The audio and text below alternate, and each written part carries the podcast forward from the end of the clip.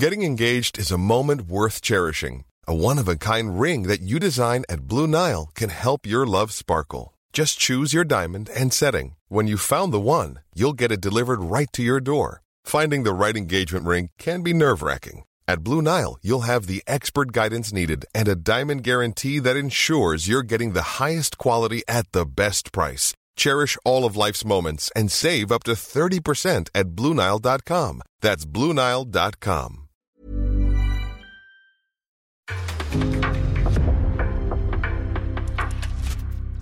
En podcast från Aftonbladet.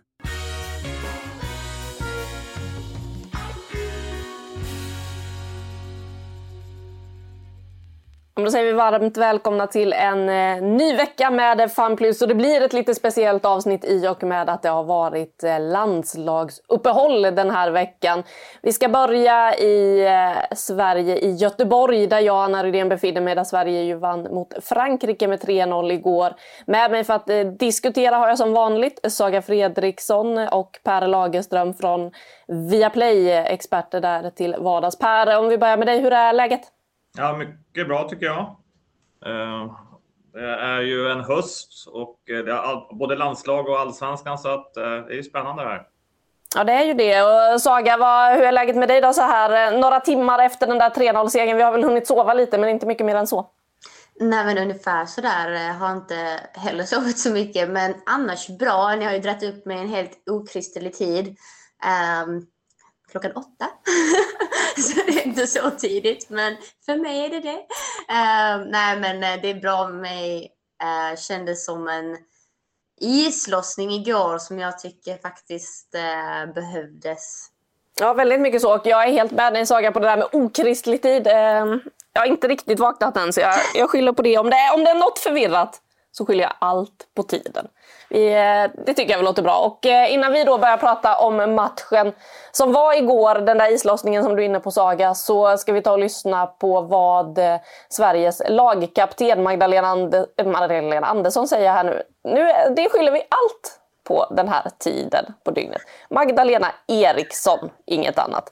Alla vet att Sveriges lagkapten heter Magdalena Eriksson eller Kosovare Asllani. Det beror på vilket humör Peter Gerhardsson är på. Så Magdalena Eriksson då efter matchen mot eh, Frankrike. Men, eh, jag är otroligt stolt över vår prestation idag. Jag tycker att vi, med tanke på prestationen vi kommer ifrån i Spanien där vi inte var nöjda, vi kände att vi inte kom upp i nivå, eh, så går vi ut idag och spelar som Sverige ser ut när vi spelar som bäst. Vi gnuggar hårt, vi spelar ett tajt och tufft försvarsspel, vi släpper inte till några farliga målchanser, vi väntar ut motståndarna och vi skapar våra lägen det är liksom vår identitet och idag tycker jag att vi liksom ja, vi får ut vår identitet idag som lag och det kändes otroligt skönt och otroligt kul också att få göra det framför alla svenska fans som var här och det var en fantastisk stämning på läktaren och jag tror att jag tror att fansen bidrog mycket till prestationen för de gav så otroligt mycket energi.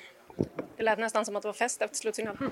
Ja, det kändes som det. Nu är man helt, eh, säger man, hög på livet liksom. Det var otroligt häftigt att få, ja, att få göra en sån här prestation framför de här fansen för att ja, som fans gör, de, de, alltså, de förhöjer ju alla känslor. Så varje mål och få springa och fira med dem och det, det var ja, otroligt häftigt och jag är otroligt stolt och glad över att vi kunde få till den här prestationen. Ja, hon var nästan hög på livet där när hon dansade ut i den mixade zonen efter. Eh, vad är era intryck eh, efter matchen? Om du får börja Per.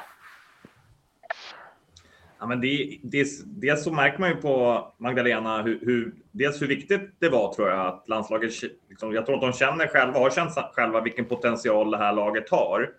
Och att det kanske inte riktigt har synts, i alla fall de senaste matcherna, jag tänker på en semifinal, jag tänker även liksom delar mot Spanien, att, att få ut det på hemmaplan tror jag är superviktigt eh, för laget. Eh, och den andra delen när jag, när jag lyssnar på henne också så att, att fortsätta liksom, och för svensk fotboll, för det här liksom innerst inne, så när allting stämmer för det här landslaget, då kan de slå alla lag i världen. Och det tycker jag är en väldigt häftig känsla, otroligt rolig känsla och viktig känsla. Det gör att, ja, jag målar upp det direkt här, att vi, liksom, vi är inte storfavorit i VM, men vi är en av favoriterna. För det är inte så många lag som klarar av att slå alla lag när allting stämmer.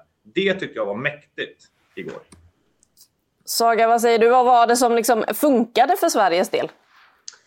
Um, ja, men, ganska, ganska många delar skulle jag säga, men en, en del som jag tycker var rätt så stor påtaglig skillnad från match 1 och 2 var eh, var man vann bollen.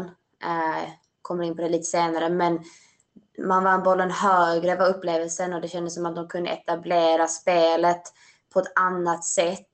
Eh, jag tycker också försvarsspelet kändes betydligt mycket mer tryggt än vad det har, har gjort och sett ut även i EM. Um, ehm, jag är personligen lite, även om det är en anledning, så är jag lite allergisk mot att man nu börjar prata om att ja, men vi hade saker som var tuffa i EM, vi hade sjuka spelare, ditten datten. Jag har respekt för att det är en faktor, men um, jag tror också vikten av då att ha en plan B, C, D eh, blev ännu tydligare nu inför VM. Att vi har liksom inte råd att inte ha en, en ganska tydlig struktur. Och det var rätt häftigt att se skillnaden från Spanien till, till Frankrike. Alltså vilken resa de bara gjorde där och att det var som att de föll in i det här mönstret som vi vet att de är kapabla till.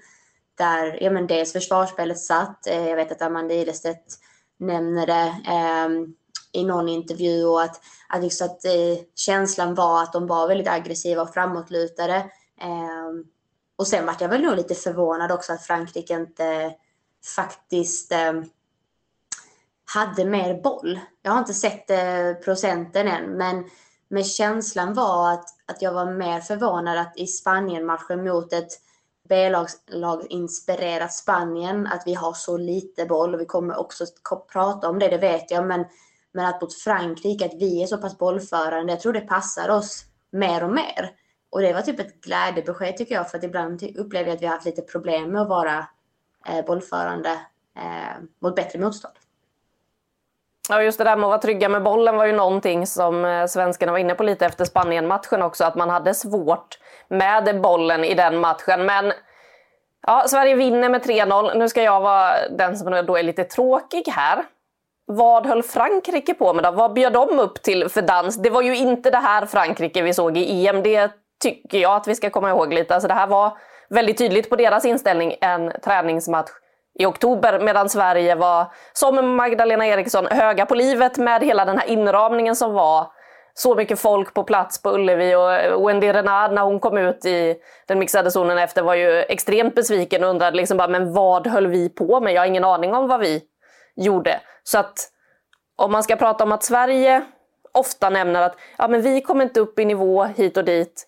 Nej, det får man väl ge Frankrike att det gjorde ju absolut inte de här heller. Det ska man komma ihåg att det här inte var en insats vad de, som de hade gjort i EM. Även om man också då ska komma ihåg om man ska vara eh, att det var ju inte ett B-lagsbetonat Frankrike. De ställde ju upp sina stjärnor. Så var det ju. Och Sverige gör det väldigt, väldigt bra mot dem. Men eh, den brasklappen vill jag lägga in och jag tänkte på den lite vid den situationen vi ska komma in i nu.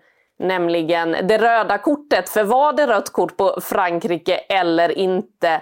Där så är det ju faktiskt inga livliga protester från de franska spelarna, vilket det givetvis hade varit. Ja, visst, det är någon som är framme hos domaren, men hade det där varit en match som betydde någonting, ja, då hade ju hela Frankrike varit där och påpekat att de inte tyckte att det var det. Innan ni får säga om det var rött kort eller inte så ska vi lyssna på hur Stina Blackstenius då, som är den som är i duellen med Tonkara, upplevde själva situationen. Eh, nej men, eh ja, alltså jag blir, jag blir fälld, är det den spontana känslan och det visar sig på hennes röda kort också. Så att, mm. Har du själv sett reprisbilderna på det? Nej. Det ser ut som att eh, du krokar upp dig själv, att det inte finns någon kontakt där?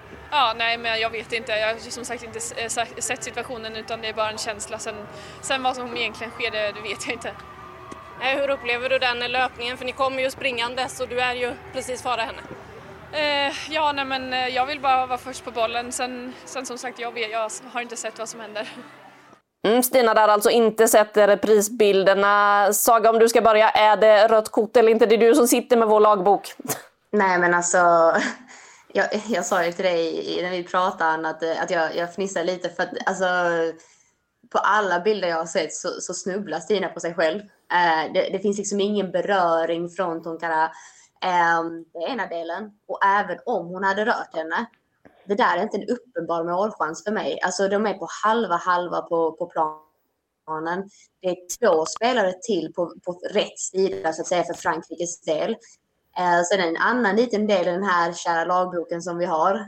det är att spelaren, och det här kan vara lite up for discussion, det inser jag också, men rörelsen för den offensiva spelaren måste vara mot, alltså i huvudsak mot motspelare, motståndarens mål.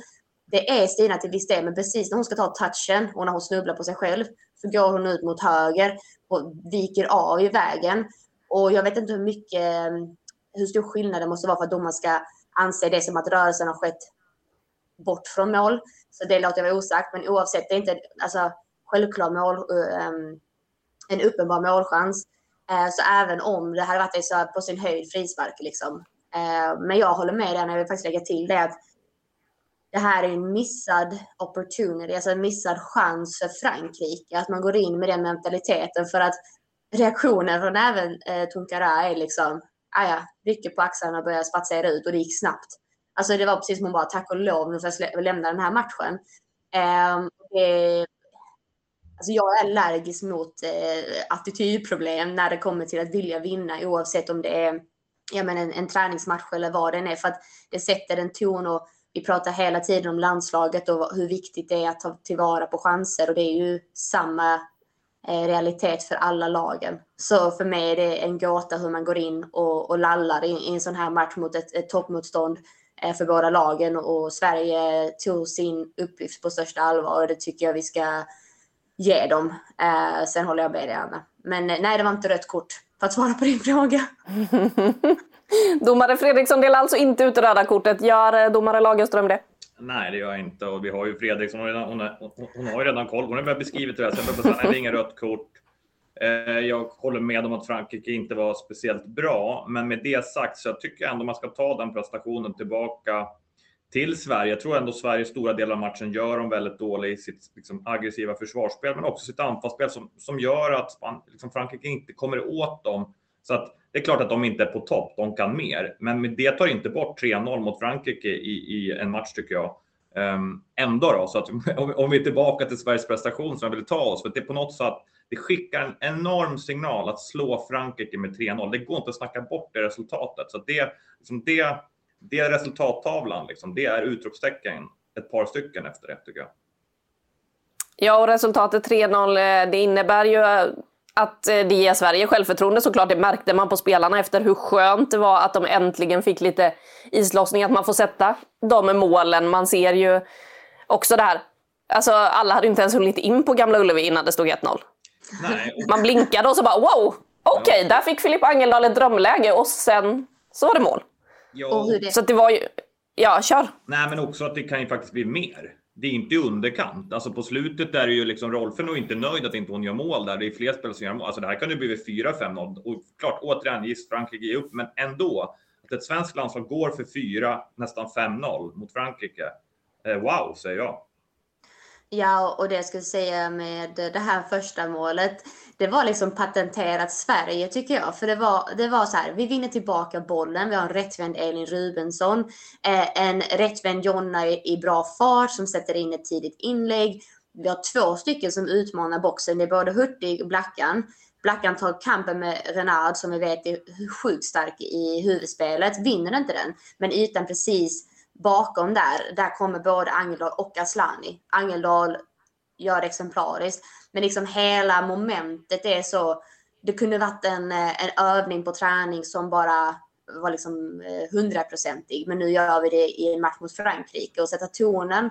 Vi pratar ofta om mentalitet i matcher och, och prägen på match baserat på ett mål som gjort i vissa skeden.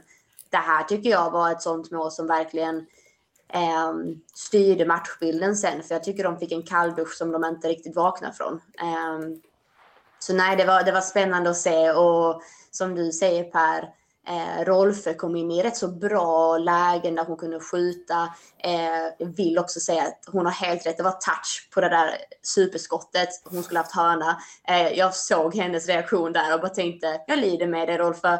Inte denna gången ni leder trots allt. Men eh, nej, så det fanns ju gott om chanser eh, och det var, det var skönt att se tycker jag. Ska man titta lite på ändå som de taktiska detaljerna. Vi pratade om det i förra podden. Liksom ska Sverige spela med trebackslinje, fyrbackslinje? Och där var vi överens med tre där. Och nu liksom tänker jag nästan att det här var väl nästan svaret på frågan. För att det funkar inte riktigt mot, mot Spanien med tre på det sättet när man kanske spelade Björn, Sembrant, Eriksson. Men här säger de att de spelar med tre i anfallsspelet, ja, vilket blir väldigt eh, bra för då kan liksom Ilestedt komma in, inte behöva vara naturlig ytterback. Men i försvarsspelet går John Andersson ner och spelar fyra och då får du, ett, får två, då får du två block som ett svenskt landslag, liksom fyra och fyra fram som, som, som försvarar. Och det tycker jag, det fick jag en väldigt träff på. Så kanske inte det funkar mot alla lag, men det blir väldigt tydligt att du får ju med Ilestedt tycker jag att helt Alltså kan ha hennes huvudspel, dels på fast situation, hennes en mot en spel, hon utvecklas för PSG. Det gör ju att den här rollen kan de med henne, Björn, Eriksson och sen blir ju Jonna en nyckel här nu. Speciellt nu inte Glas är med. Så att det här var ju en signal tror jag att Jonna Andersson är en enorm nyckelspelare för svenska damlandslaget. Och svaret på frågan är ja, tre i speluppbyggnaden, fyra när vi försvarar. Det, det blir väldigt stabilt. För det gör att du klarar av både det höga försvarsspelet och få stopp på, på, på, laget lite tidigare. Det tycker jag var kul att se. Det, det är faktiskt himla klockrent. Eh, just den rotationen som skedde. Och um, jag tänkte just på det här med Jonna på fasta situationer också, att man får in henne i det. Uh, för mig det funkar inte riktigt mot Spanien. Och man såg så tydligt att de tänkte mer treback. Alltså jag upplevde att de hamn, om man tittar på målet mot Spanien. Det är väldigt tydligt att eh, de inte vet vem som ska plocka upp den här spelaren som bara stöter in den. Det är ju för att hela, de har skiftat hela backlinjen och när man är treback så blir det lite andra positioner. Men har du en mer naturlig fyrback som man såg mot Frankrike, det är de vana vid. Det kan alla spelare. Alla, alltså, man är ju mer eller mindre fostrad i en fyrback. Även, eh, det är väl lite mer på senare dagar som det har blivit en grej nu att man ska ha treback, femback och så vidare. Eh, så att alla spelare kan tekniskt sett spela en fyrback på ett eller annat sätt och det var så tydligt att de hittar sina positioner på ett jättebra sätt. Eh, och Jonna är ju klass, måste jag säga. Satan vilka kliv hon... Alltså hon har alltid varit bra, hon har alltid varit jämn. Men nu har hon också börjat bli poängspelare på ett helt annat sätt och äh, det är gött att se.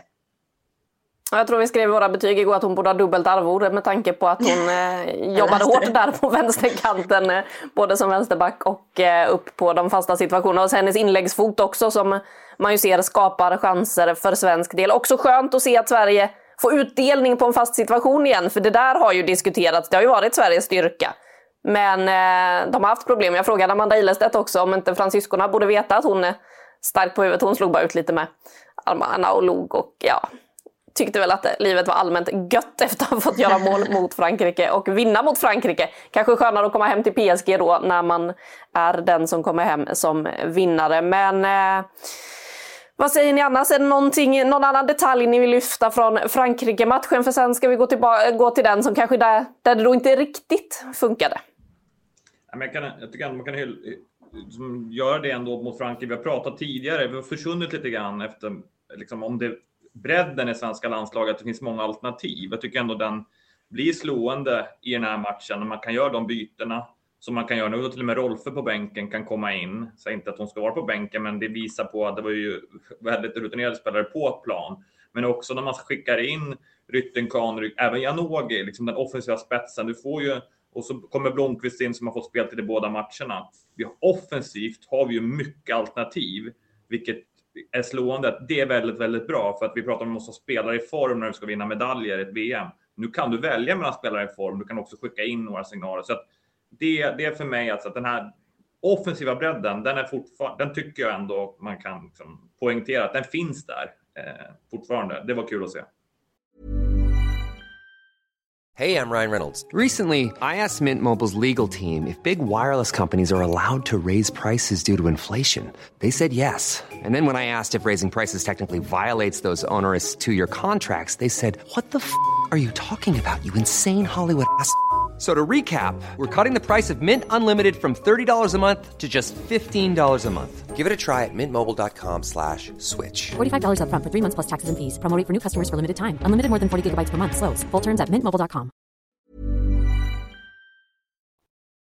Ja, det var ju ett... Eh, de fick ju verkligen utdelning direkt också, den där trion som kom in med Blomqvist, Janogy och Rytting Kaneryd som eh, satte då 3-0 målet. Madeleine Janogy hade ju faktiskt kunnat bli tvåmålsskytt också i den här matchen.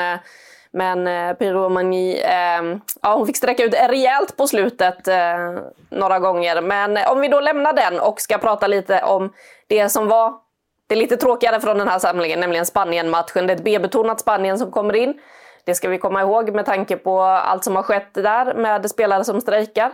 Sen kan vi också ta med oss nu då med det här 1-1 resultatet. Jag såg inte den matchen igår, jag har bara sett resultatet. Jag har ingen aning om hur det såg ut. Men Spanien slog alltså USA med 2-0 samtidigt som eh, Sverige slog Frankrike med 3-0. Så att, eh, det kan man ju också ha med sig när vi ska värdera Sveriges insats mot Spanien. Saga, vi mässade ju en del under den här matchen. Vi var ganska frustrerade båda två, framförallt i den andra halvleken. Eh, ja, vad, vad var det du var frustrerad på? Ah, det var en himmelens massa skulle jag vilja säga. Jag tror att det kändes som att skärpan inte fanns där. Och med det menar alltså lite kvaliteten i passningsspelet. Eh, jag har tittat på statistiken kring det. Vi ligger under vi ligger inte så långt under vad vi brukar göra när det kommer till alltså, passningsaccuracy eh, på svenska. Eh, hjälp mig. Alltså... Eh, Ja, men... Eh, ja, men precis. Ja, men precis. Korrekta passningar på fot och så vidare. Vi är inte så långt under, men vi är under. En annan del är att vi förlorar duellspelet. Um, alltså också procentuellt. Uh, det är inte heller ett bra betyg. Jag pratade tidigare om det här med, jag tittar på en uh, rätt så cool så här, karta var vi vinner boll på planen.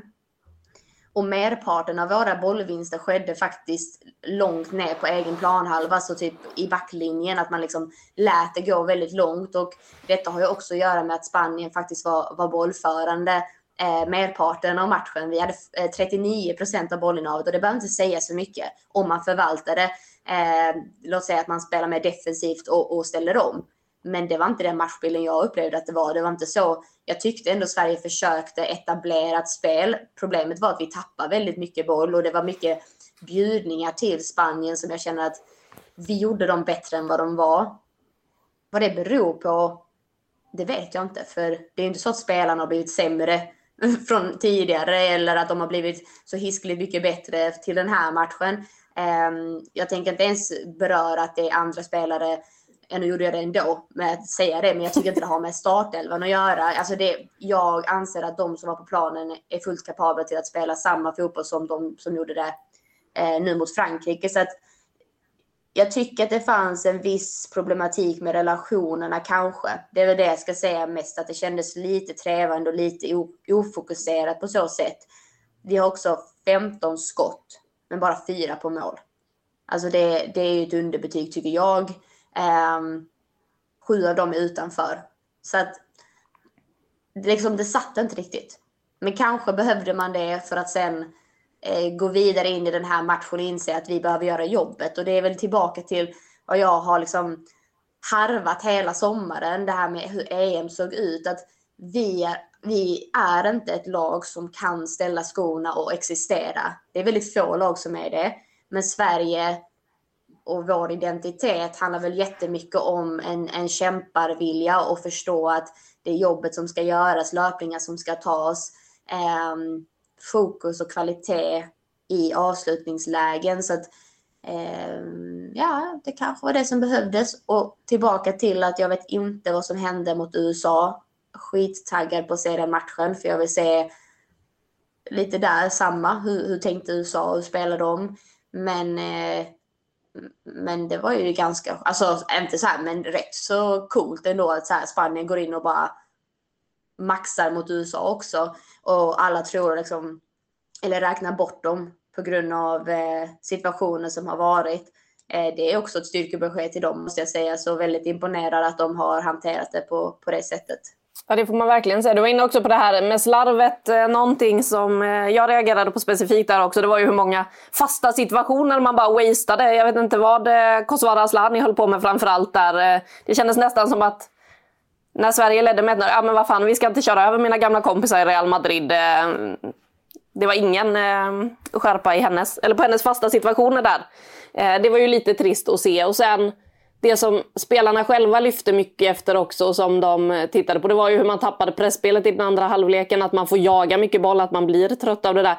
Men också att man blir tillbakatryckt, att den där trebackslinjen som vi var inne på den var sällan en trebackslinje utan man blev tillbakatryckta till en fembackslinje istället. Och Så vill man absolut inte ha det. Per, vad var dina intryck och tankar efter Spanien-matchen?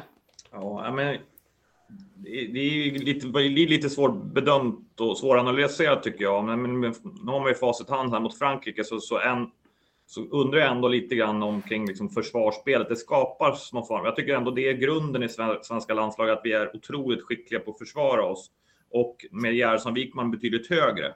Och det fanns en viss eh, jag tycker inte det fanns, det satt inte helt ihop med den här trebackslinjen som vi var inne på. Det blev bättre när man roterade ner Jonna, men också den här saken, vi har varit själv varit inne på det, vi har satt och satt vilka spelare man ska spela. Jag tycker det är viktigt att, att titta på balans i ett lag. Ibland tror man att ju, bara vi sätter in offensiva spelare så blir vi offensivare, då vi får offensiva lag. Det är inte alltid så. Nu har vi offensiva wingbacks, men kanske inte wingbacks som, är, eh, som sitter i, vet exakt hur man jobbar i försvarsspelet. Så då, hänger, då får du inte ut det offensiva spelet för att vi vinner inte bollen i de lägen de ska vinnas boll i. Så att jag tror att kanske lite i balansen i laget. Inte så, jag tror att eh, svenska, Sverige har väldigt, väldigt tufft för att de har sån enormt skicklig spelförståelse och det ser man ju även när de har bollen, hur svåra de har att knycka den av liksom deras possessionspel. Och då, så att, däremot är det väldigt bra att Sverige har mött Spanien nu, för att det här är ett lag där allting stämmer och får tillbaka sina spelare som jag håller kanske eh, som en av de stora favoriterna om de får tillbaka alla spelare kring VM. Eh, så att det är ett jobbigt lag för Sverige. Man får verkligen fundera på hur man ska slå dem. Ja, är det någonting Peter Gerhardsson var inne på efter så var det för han har pratat väldigt mycket inför, precis som flera av spelarna, för Sverige har ju inte mött eh, Spanien eh, särskilt ofta på A-lagsnivå.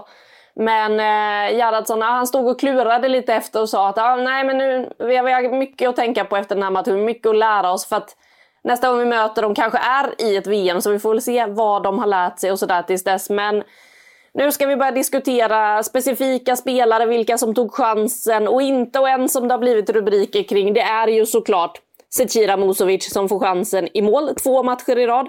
Det är första gången någonsin, trodde hon själv. Hon har ju inte jättemånga landskamper på CV. Innan ni ska få diskutera Musovic och hennes insats under de här landskamperna så ska vi ta och lyssna på vad hon själv sa. Men det här är då efter Spanien-matchen där hon ju kanske hade lite mer att göra än vad hon hade i matchen mot Frankrike. I alla fall ställdes på tuffare prov. Så det kändes nästan som att man får kolla på utgångsdatumet på en landskamp om det, det här räknas som debut igen. Eh, men det, det kändes bra att få kunna bidra med någonting till laget och faktiskt få visa upp att man har någonting som man har jobbat stenhårt för. Ja, hur kändes det att vara tillbaka mellan stolparna? Skitkul, det är ju det här man kämpar för. Alltså jag har eh, jag har väntat tålmodigt och jag har eh, jobbat stenhårt och jag har varit besviken så många gånger och väntat och väntat och väntat så det känns såklart underbart att få spela landskamp igen. Eh, ja, per, vad säger du om eh, Musovic? Hon var inne här alltså på att det nästan kändes som att göra debut igen. Ja, men jag tycker att det var helt rätt att spela henne två matcher i rad. Det är väl liksom det enda som talar för Musovic tycker jag. Hon spelar en av som största klubbarna i Europa, fått möta liksom den intensiteten på träningarna, hon har en bra storlek, men hon har inte spelat kontinuerlig fotboll. Och det gör ju att ibland liksom så är det svårt med tajmingen. Men att spela henne två matcher, jag tycker man ser att hon växer in i det här. Det är bara frågan, hur mycket kommer hon att spela inför VM? För att ja, hon har ju liksom potentialen tycker jag i storleken och liksom även den tekniska explosiviteten. Hon har mycket som målvakt, men har, var väldigt, väldigt länge sedan hon hade en hel säsong. Så att och det är väl samma sak som, som jag som måste välja om man funderar på Falk eller Holmgren, men det nu med. Att de behöver nog våga spela den målvakten i landslaget. Falk får ju sin i Häcken, det är ju hennes fördel. Men eh, jag blev imponerad av henne. Hoppas för hennes skull att hon får stå ganska mycket. Då, tror, då är hon för mig en potentiell första målvakt i VM. Vad säger du Saga, är det så att, eh, tro, tror du att Musovic kommer få speltid i, av Emma Hayes i Chelsea eller vad, vad är känslan? Uh, oh, ja du. Um, hoppas kanske mer än tror med tanke på att hon, hon har liksom blivit andra valet hela tiden. Uh, samtidigt så, jag tror uh, när det kommer till egentligen både backlinje och, och målvakt så handlar det jättemycket om tillit och okej, okay, relationer över hela planen, det är inte unikt för backlinje eller målvakt, men någonting med målvakten är ju ändå att de ska känna sig, eh, alla ska veta vad de har, målvakten och dels är det att hon ska ha speltid, men tajmingen är en del. Jag tycker också att det är eh, så här, hon är väldigt bra på, på att stoppa bollar. Alltså jag tycker hon är väldigt explosiv och, och läser eh, skott bra och sådär.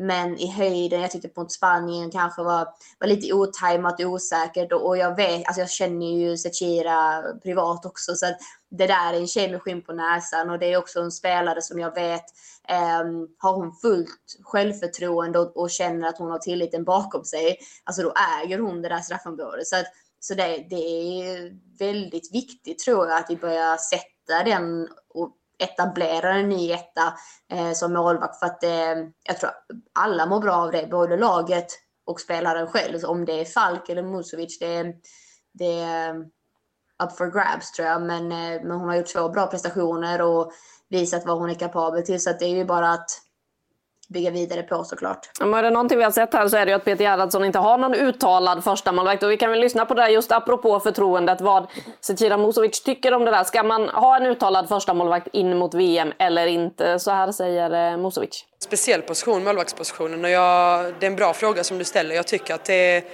målvaktspositionen är lite skillnad från utespelarpositionen. Att man behöver känna trygghet, man behöver ha det där lugnet. att att kunna få bygga på någonting och att, och att någonstans kunna fokusera på träning, att vilja bli bättre och sen veta att okej okay, nu kommer jag få spela så att man inte går runt och oroar sig för det. Samtidigt så har vi en extremt bra målvaktssituation och det är, det är glädjande för svensk fotboll om inget annat.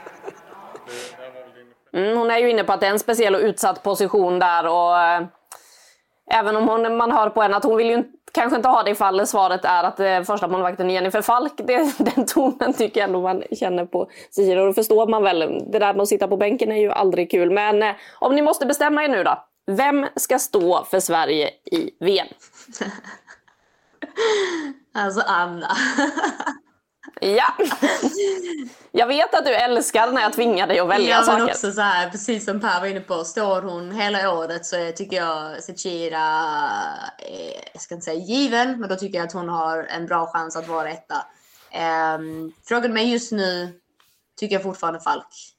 Ja, Per? Ja, men hon behöver inte stå hela året, men hon behöver stå lite då och då i Chelsea eh, och bevisa sig på varenda träningslandskamp. Hon behöver se det som en, en kvartsfinal. Jag tycker man ska fortsätta satsa på henne efter den här eh, samlingen för så att hon får stå ibland. Får hon inte stå någonting eh, inför i VM, då finns det en, en, fantastiskt bra ersättare i Falk. Så att eh, så skulle jag säga. Men, men eh, får hon stå ibland nu så skulle jag satsa vidare på henne efter de här två matcherna. Mm, vi får väl se vad som händer då för Musovic hemma i London och eh, Chelsea där det ju också då väntar mycket matcher. Eh, det kan väl lite tala för Musovics eh, del också att det är, de ska in i Champions League, det är de inhemska kupperna. Det finns en hel del matcher för Chelsea att spela. Och kanske då också Zecira Musovic. Men om vi lämnar målvaktspositionen där. Vilka tog eh, chansen under den här samlingen? Det är bara att uh, hugga här nu. Kör! Elin Rubensson. Alltså, ja. Jag vill svära. Men alltså... Kör! Jäklar i havet, det var det det grövsta jag kunde säga. Nej, men, eh, nu är du som Madeleine Janogy Eller hur, eller hur. Nej. Ja. Eh, men jag måste ja. säga, Elin Rubensson, eh, satan vad eh, hon tog för sig det här eh, eh, landslagsuppehållet får man väl eh, kalla det, eller liksom de här matcherna. Jag tycker hon eh, Nej, jag håller med. Hon är inte den naturliga sexan. Hon springer över större ytor. Däremot, jag gillar hennes spelstil väldigt mycket. Jag tycker hon är skicklig på att slå avgörande bollar när hon kommer djupare nerifrån banan. Är hon redan i pocket eller alltså mer offensiv mittfältposition så tycker jag ibland att hon blir för mycket felvänd. Och man behöver Rubensson eh, rättvänd. Hon har bra fart och driv med bollen. Jag vet att Gerhardsson snackar lite om det. Ja, men ibland tycker jag att det drivs för mycket och ibland så behöver hon vara mer defensivt lagd och ha spelförståelsen där. Ehm, jag tycker hon är kapabel till att växa in i den rollen också, men jag vill inte att hon ska bli lika, ehm, så här, eh, vad är ordet jag letar efter? hålla sig på en liten plätt som, eh, som Seger kanske gör på ett annat sätt och balanserar. Seger är inte en superlöpare utan hon håller sig väldigt smart i sin positionering där. Jag tycker inte Rubensson ska eh, bli en ny Seger. Jag tycker Rubensson ska göra rollen till sin om det är den hon får. Ehm, men att hon ska vara en startelva tycker jag att hon har bevisat nu och att de fortsätter eh, tro på henne för att eh, jag tycker hon har varit bästa spelaren över hela det här campet. Så att eh, hatten av till henne, både offensivt defensivt. Eh, det är riktigt läckert att se vilken väg hon har, har tagit. En grej där bara. Du sa ju att eh, hon inte ska bli någon ny seger. Var det bara jag som tyckte att jag såg Seger på planen hela tiden igår när man ser Nathalie Björn som har snott Segers frisyr? Helt otroligt. Man kan inte bara sno Caroline Segers frisyr och sådär så att eh, man helt plötsligt ser ut som henne. Ja, Per, eh, vi går tillbaka till Elin Rubensson. du, kan, du kan sno lite mer- för jag tycker ändå Saga in, jag, håller med, Rubensson fantastiskt bra. Man såg nästan det i Champions League tycker jag redan mot PSG, att helt plötsligt är det en spelare som dominerar på Häckens mittfält. Vad är det där för någonting? Och nu tar med det i landslaget, så det är check på det. Jag tycker framförallt hennes rapphet och i försvarsspelet är bra. Hon ska inte spela som Seger, hon ska spela som Rubensson. Däremot om man har Björn bakom sig så kan hon, då, kan hon stå och föra lite mer. Och liksom att Seger kliver ner i backlinjen som du är inne på. Ja, lite ibland i passningen. Du har ju enormt, även Magdalena Eriksson ska ju kunna slå de här passningarna genom laget. Så att då, då, då får du större rörelse med Rubensson. Jag, jag håller med dig. Jag tycker det är jättekul att se att hon kan komma tillbaka efter banan och vara så pass rapp liksom, i kroppen. Det där är ju en, en ny potential för Sverige. Även om Seger är tillbaka så tror jag att Rubensson skulle kunna vara aktuell på det här mittfältet tillsammans. Eller så att det är check. John Andersson har vi nämnt. Jag vill bara påstå det, liksom att sådana spelare som klarar av anfall och försvar, den klassiska tvåvägsspelaren, hon är också ruskig fysisk form. Jag tittar mycket på fysik, liksom, hur de maxlöper. Hon är tränad, vilka dueller hon tar, jätteimponerad. Och sen måste jag också säga att eh, det är inte bara för att hon gör mål på fast situation, men Amanda Ilestedt ändå, liksom, när man möter de här spelarna mot Frankrike, speciellt om man ska möta Frankrike, hon har en enorm respekt mot dem. Alltså då, jag tycker hon har tagit en steg till. Hon är ordinarie varje vecka i PSG. Svårt att hålla den borta från en startelva tycker jag, med, med, med den prestationen sist. Så att, ja, där var det två till. Saga, vill du fylla på med någon? Eh, nej men vi nämnde Björn där. Jag hade Ruben, Jonna och Björn. Alltså jag tycker de alla tre har eh, visat en kontinu kontinuitet. Är det så man säger? Så Um, säger man. Jonna har jag nämnt vad jag tycker hon bidrar med. Men Björn vill också lägga till. Alltså. När jag tittar på en spelare som är trygg med bollen. Så tänker jag alltid så här. Det här är, det är liksom Björn. Eh, personifierat. Det är svenska ordet. Så. Alltså hon har ett sätt att, att ta emot en boll. Eh, vara förberedd. Eh, ett lugn. En teknisk kapacitet som jag tycker våra mittbackar kan lära sig ännu mycket mer av. Björn har den delen och det är klart för att hon kan spela både mittfält och mittback. Men passningarna hon slår, distinkta. Det, det finns en sån självklarhet över henne. Och det är också någonting som sprider sig. Eh, man pratar ofta om Segers kroppsspråk och vad hon gör för laget. Men man har det i Björn också. Hon är en sån spelare som sprider den. Alltså hade jag haft henne i mitt lag så hade jag känt att ah, henne kan vi lita på. Till och med om hon går bort sig så känner man inte sig stressad. Alltså någon gång hon spelar bort en boll, man bara ja okej, okay, det händer. Men jag tycker hon ger någonting så himla viktigt till det här laget och det är det här lugnet och självklarheten med boll. Eh, vissa har lite mer problem med, ja, bara första tillslaget kan studsa och hoppa. Men Björn har en kvalitet som gör att resterande kan positionera sig, få tid att göra rotationerna på planen för att de vet om att ja, men Björn sköter tajmingen ja, men till exempel i uppspelet eller, eller avlastande passning eller direkt passning och så vidare. Så att, eh, det är bara tillägg där. Björn, eh, klass. Ja, och eh, det kan jag känna lite saknades mot Spanien också. Just det där lugnet med boll som Björn bidrar med, men också de här ledaregenskaperna. Jag tycker man tappar lite det när man börjar bli stressade, känner sig tillbakapressad och är det ingen som ta ner det, ta lugnet, se till att man kommer tillbaka in i matchen. Där saknade man ju en sån som Seger, eller kanske då Nathalie Björn i det här läget. Men hörni, vilka tog inte chansen då? Vilka hade ni velat se mer av? Det är klart att de pratade efter EM att en spelare som Hurtig så vill man ju se liksom inblandad mer i spelet och komma till sina lägen. Dels liksom avslutslägen om man är en forwardstyp, men också framförallt att, att vara oftare inblandad kring bollen och var delaktig i offensiva situationer.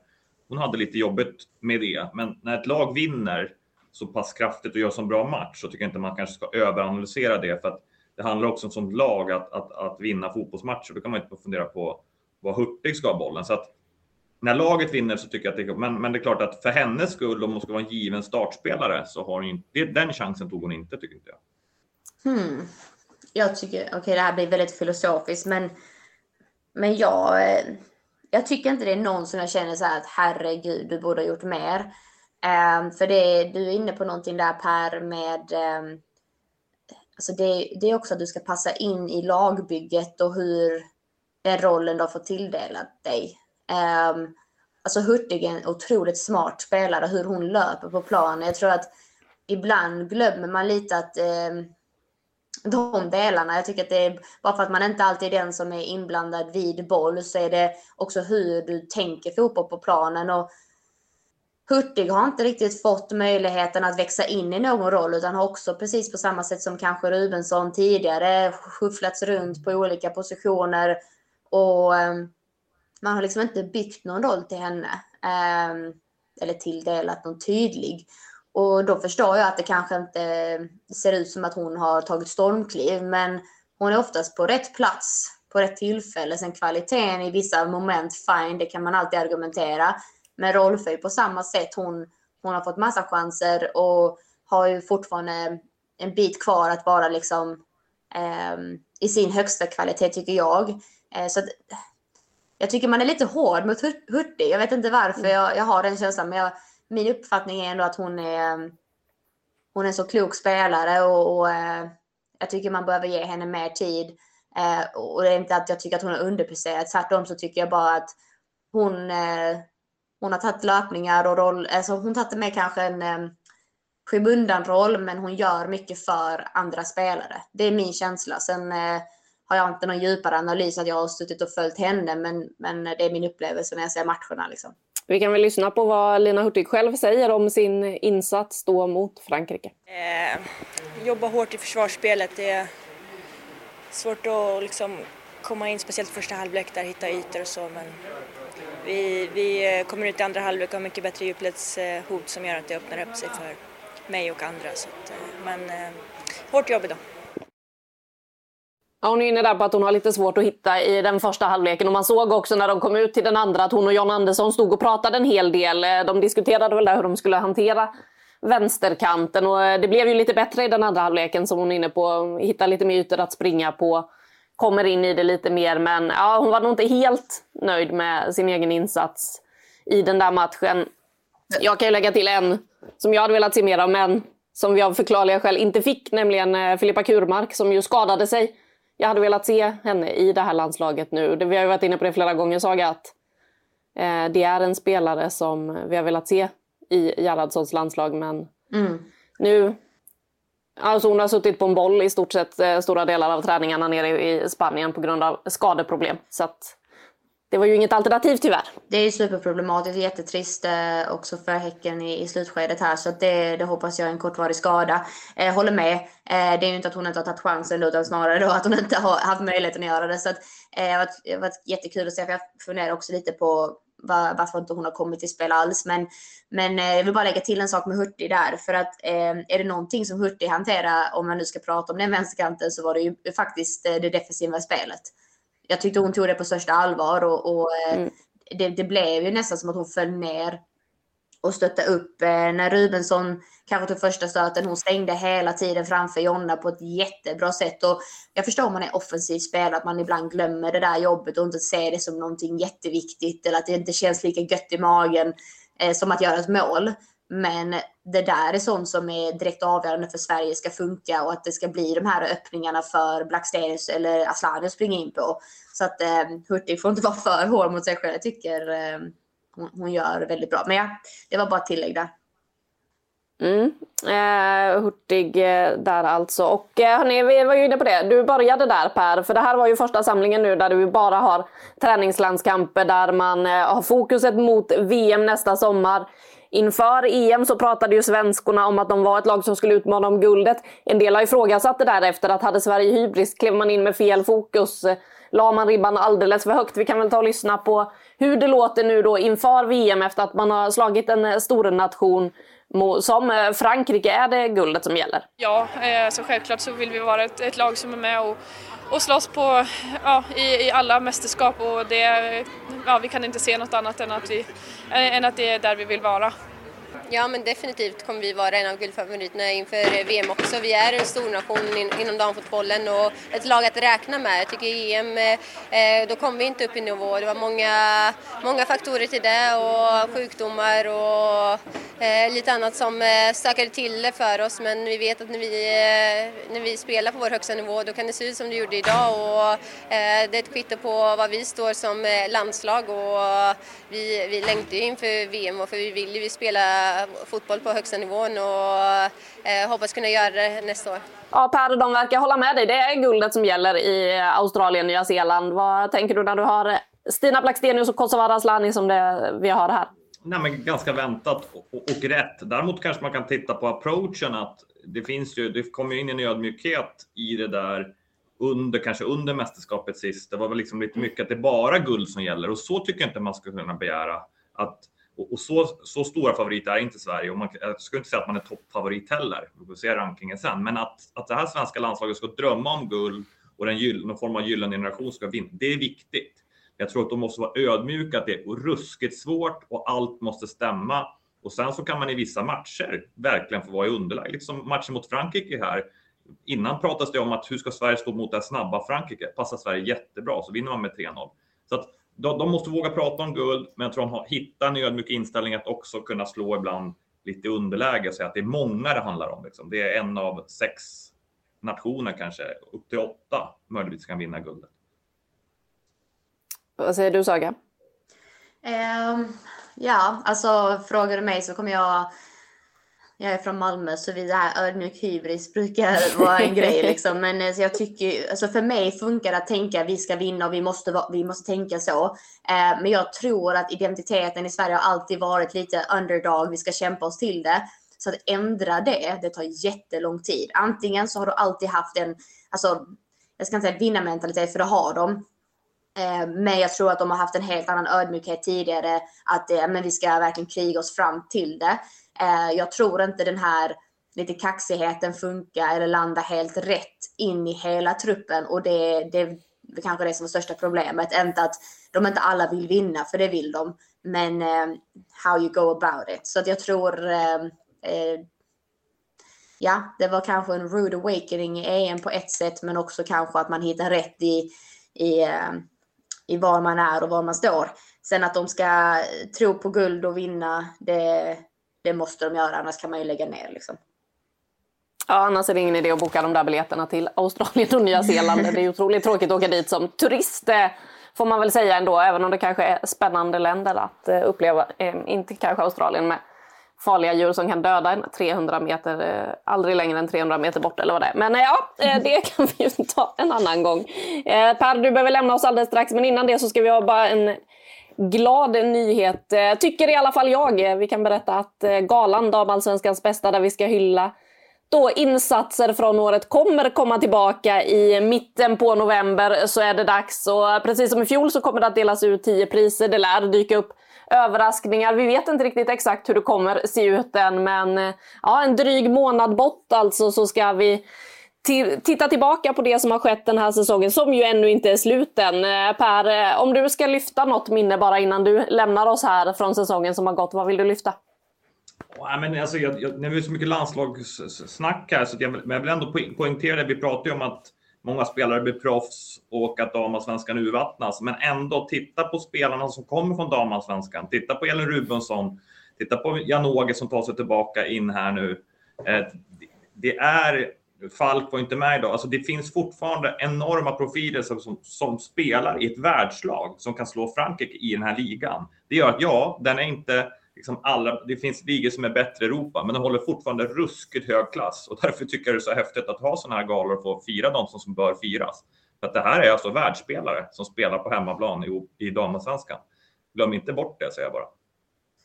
Nej, det ska vi inte glömma Per. Jag tackar dig så mycket så pratar Saga och jag vidare en liten stund här bara. Du har ju en tid att passa här till skillnad från oss andra sjusovare som knappt har vaknat än. Ha det fint, på återseende. Ja, ha det fint Per, vi hörs nästa vecka. Men eh, Saga, om du ska ta något från eh, året som gått, eh, har du något minne? Oh, um, ja du.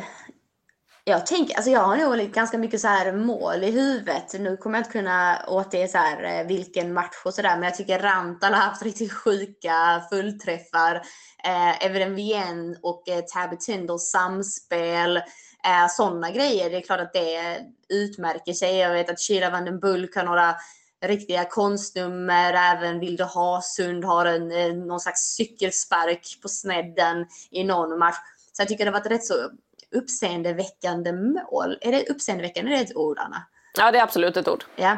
Mm. ja men det är bra att du har koll på mig där. Ja. Um, nej, men så det finns rätt så mycket sådana godbitar. Sen skulle jag, om man tittar rent strukturellt, um, alltså det är rätt maffigt och fräckt att vi pratar och berör kanske fem, sex lag i toppen. Mm. Alltså vi har ju tidigare pratat om att det är en tight topp tre. Um, nu har det helt plötsligt blivit en seriös tight topp 6-5 kanske. Eh, där alla lagen med lite tid och eh, fortsatt liksom eh, relationsbygge till nästa år. Då kommer du kunna svaja vilt. Så jag, jag, eh, det tycker jag faktiskt har varit den stora grejen i år. Att eh, utvecklingen i lagen och tydliga identiteter har börjat synas på ett annat sätt. Och eh, det, det tycker jag är riktigt fräckt. Ja, och du är inne på det här med målen också. Det kommer ju att utse årets mål också. Det är de som följer Sportbladet på sociala medier. Så du som lyssnar här har ju all chans att påverka vem som till slut vinner det där. Det är, känslan är ju att det kommer vara svårt att ta fram de åtta kandidaterna. Att det bara ska vara åtta stycken nominerade här. För att, som du var inne på, man kommer ju på en handfull bara direkt. Alltså, vem har glömt Ellen Gibsons mål? Det enda målet hon har gjort dessutom. Det är ett helt otroligt mål. Olga Ahtinen, hon har ju också dragit in några riktigt snygga. Så det finns ju många, och vi har inte ens nämnt en sån som Amalie Vangsgård. Något snyggt måste väl finnas av alla 107 mm, mål hon har gjort. Så att, ja. Ja, just det. Det är henne vi har pratat om också, som hon som alltid, det är alltid snyggt det hon än gör. Tänk om man hade varit så. Livet om det hade fått mm. vara så enkelt. Ja, nej, vi får väl se vad, eh, vilka kandidater som tas in. Har du där hemma någon eh, kandidat eller någonting som du tycker borde uppmärksammas och hyllas från den här säsongen under galan så ja, men bara hör av er till mig antingen via sociala medier eller så kan ni mejla mig på anna.rydén aftonbladet.se. Det är inte en svårare mejladress än så. Så jag hoppas ni hittar mig. Eh, kommer med input om det är något speciellt ni tycker borde hyllas under den här galan. Och Saga, vi ska avrunda med 5 plus och det är eh, den här veckan nyheten som kom nu på morgonkvisten. Eh, vill jag slänga in, nämligen det faktum att Sverige, jag måste gå in och läsa här nu också för jag har inte hunnit läsa det här ordentligt för det kom precis när vi skulle börja spela in. Nämligen att Sverige tillsammans med Danmark, Finland och Norge söker EM officiellt. Man har ju pratat om det innan. EM 2025 vill man att det ska spelas i Norden och i så fall då med en final på Friends Arena. Sverige missade ju den där finalen senast det var EM i Sverige. Det svider ju fortfarande lite så att eh, Saga, vad, vad skulle du säga om en EM-final på Friends, ett utsålt Friends om vi nu ska blicka framåt här och tänka att ja, men där kanske Sverige kan stå och slåss om guldet inför 50 000? Men riktigt mäktigt. Alltså, man såg vilken effekt det hade för, för England nu i, i somras att ha det, det den uppbackningen och känna sig som hemma. Och, um, ja, men Fischer pratade om det igår när man tackade av henne, att, att um, det här att få vara på hemmaplan och att hon har upplevt det, det, även om man inte kommer hela vägen, så är det det gör någonting speciellt för en spelare och det är, det är väldigt få förunnat. Så att, eh, som sagt, mäktigt bara. Um, ja, absolut. Får jag, får jag slänga in en annan grej, Anna? Ja, självklart. Kör nu när vi ändå är i farten. Eh, vi, vi har ju inte berört de andra kvalmatcherna, men jag måste ändå säga Irland som eh, för första gången tar sig in i ett stort mästerskap, mm. eh, slår liksom ut både det ena och det andra, men, men spelar mot Skottland nu här i, i kvalet och gör Amber Barrett får göra det avgörande målet och jag vill faktiskt eh, ja, men jag vill ge Irland lite 5 plus bara för, att, för den prestationen och utvecklingen.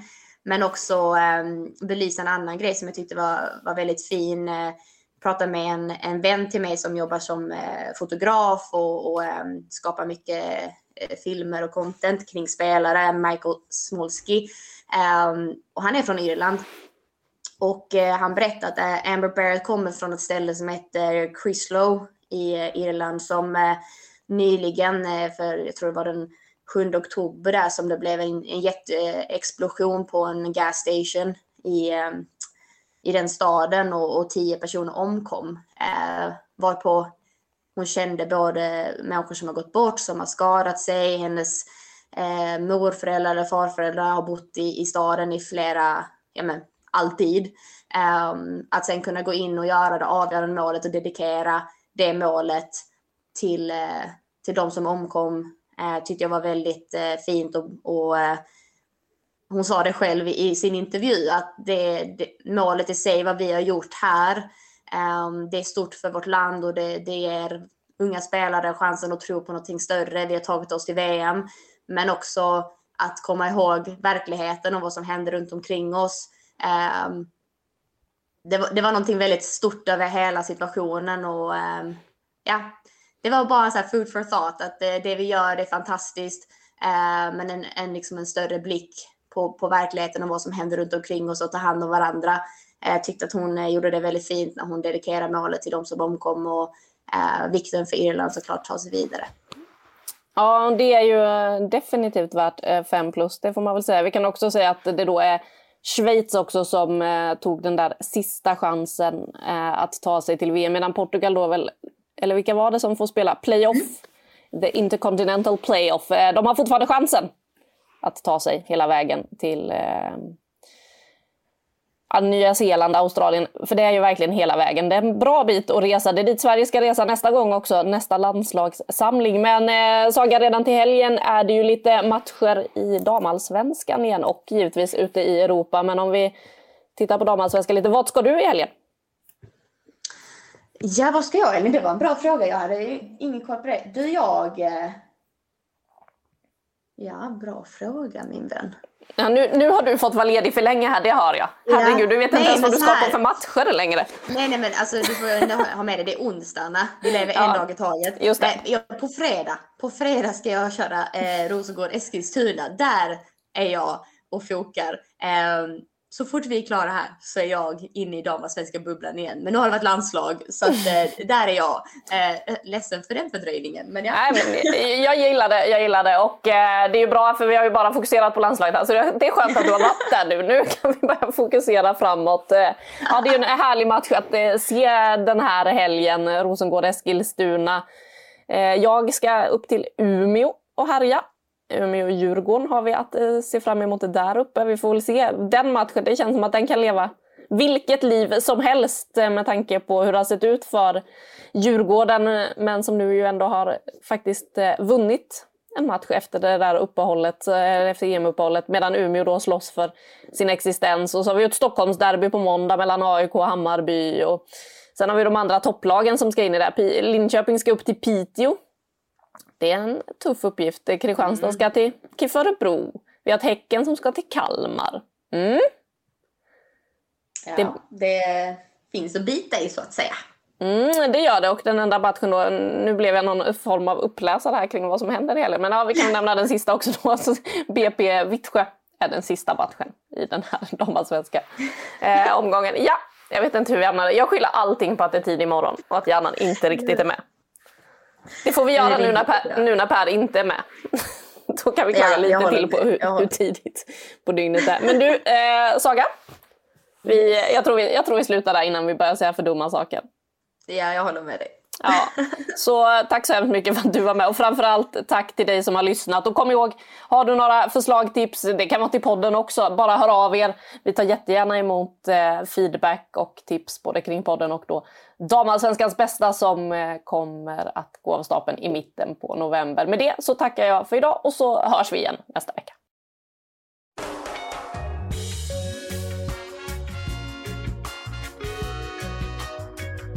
Du har lyssnat på en podcast från Aftonbladet. Ansvarig utgivare är Lena K Samuelsson.